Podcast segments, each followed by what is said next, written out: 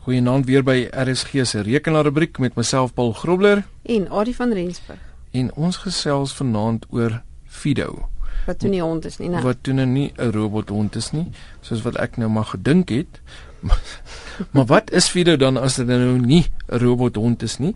Wel tot 'n mate is dit seker 'n robothond want hy is daar om jou te beskerm. al is hy hy kan nog nie sy stert swaai nie. Hy ja. kan nie sy stert swaai nie en hy gaan ook nie met jou terugpraat nie. Nou uh, as jy soos die meeste van ons daar buite moeg is oor om 50000 verskillende wagwoorde te probeer onthou. Ek kyk by my studente ook hoe gereeld moet ek hulle wagwoorde weer hers, herstel want hulle kan dit nie onthou nie. Hmm. Dan wys dit net weer eens vir mense ons lewe in 'n omgewing waar jy jy het wagwoorde vir alles nodig en jy kan ook net soveel onthou. Ehm um, nou jy sal dan van FIDO hou. Die akroniem uh, FIDO staan vir Fast ID Online. Fast ID Online en dit is 'n oop standaard om 'n veilige en 'n maklike universele verifikasie koppelvlak of authentication interface te verskaf om om die gebrek aan interoperabiliteit tussen verifikasietoestelle aan te spreek.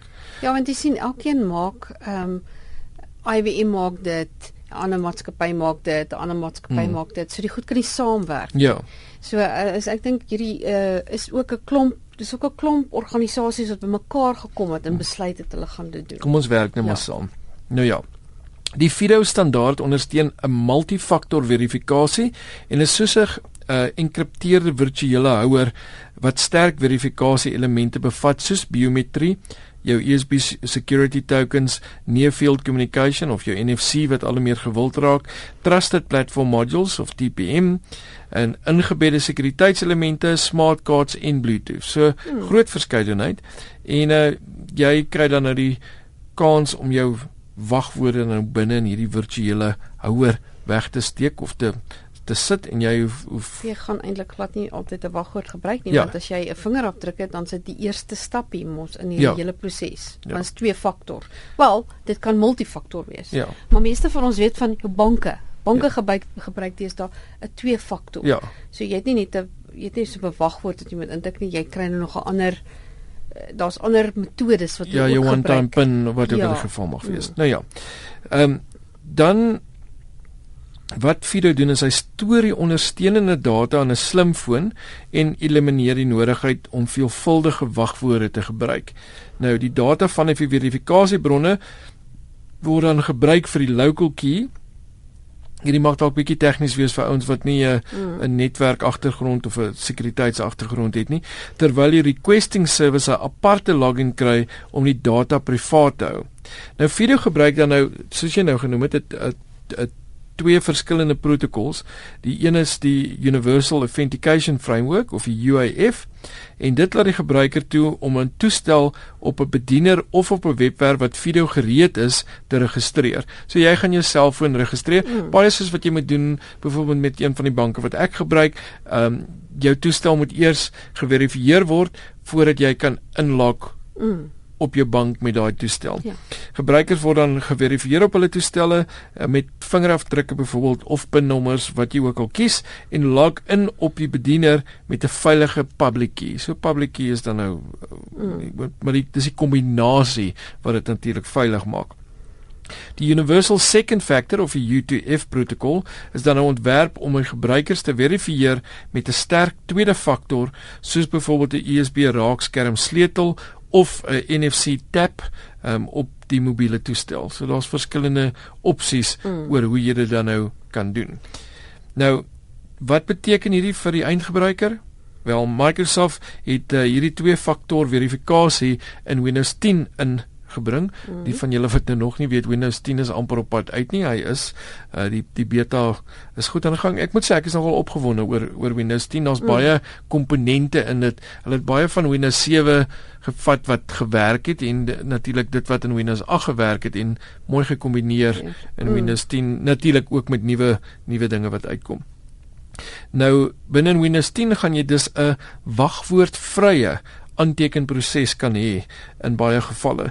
Nou dit beteken dat die sekuriteit oor die algemeen verbeter word want boosware uh, is gebaseer op wagwoorde van gebruikers uh, byvoorbeeld met phishing aanvalle en aanvalle op database basis om die inligting te bekom wat nou hmm. soort van wegval want hmm. jy kan nie nou aanteken sonder om daai toestel te hê wat wat jou ja. wat jou gaan help met die aantekeningsproses nie. So daar is 'n veiligheidsfaktor wat inkom. Hierdie is nog steeds baie soos wat ons nou die dag oor die banke ook gepraat het wat biometrie en goederes inbring mm. ook wat jy mos nou vingerafdrukke gaan gebruik as deel van van die proses mm. en ek het die vraag gevra maar gaan ons nie dalk nou dan nou kry meer dat ouens se vingers afgesny word en uh, fone wat gesteel word want dan het jy daai nodig daai kombinasie nodig. So daar's natuurlik met alles is daar voor en nadele in in in my opinie. Uh, maar dit is definitief 'n veiliger opsie en dit maak die die aanvalle van buite af ehm um, maak dit minder. Minder, ja. Ehm ja. um, nou ja, dit moet dit moet nou meer amper meer fisies wees as jy dit nou sou wil stel.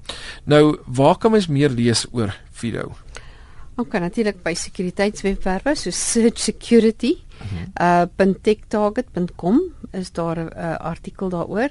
Ehm um, natuurlik sal Wikipedia ook daar 'n artikel hê soos en.wikipedia.org skynstreep boekies skynstreep video alliance.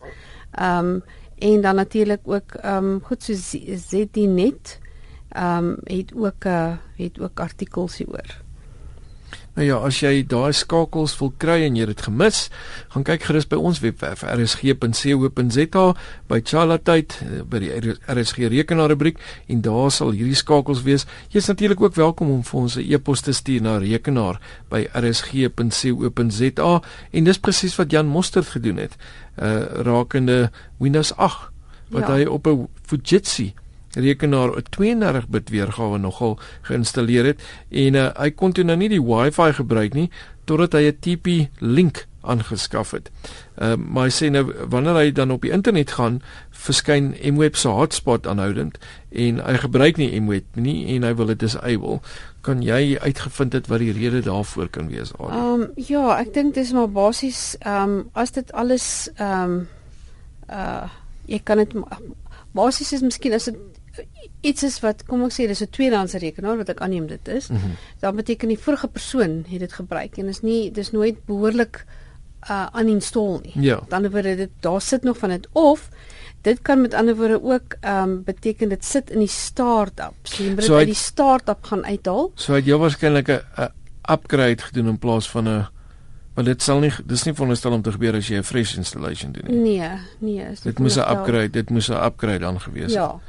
Nou, ek neem aan daar was ehm um, dit is dalk nie geïnstalleer gewees. Ehm um, hy het nou nie vir my genoem of sê of dit nou sy eie rekenaar was of mm -hmm. ek neem aan dis asof iemand anders die rekenaar ook gebruik het ja. en hy die ding oorgeneem het en dat hy uh die vorige persoon wel van Mweb gebruik gemaak het en dat daardie dalk nooit uit die start-up uit verwyder mm. is um of iets nie.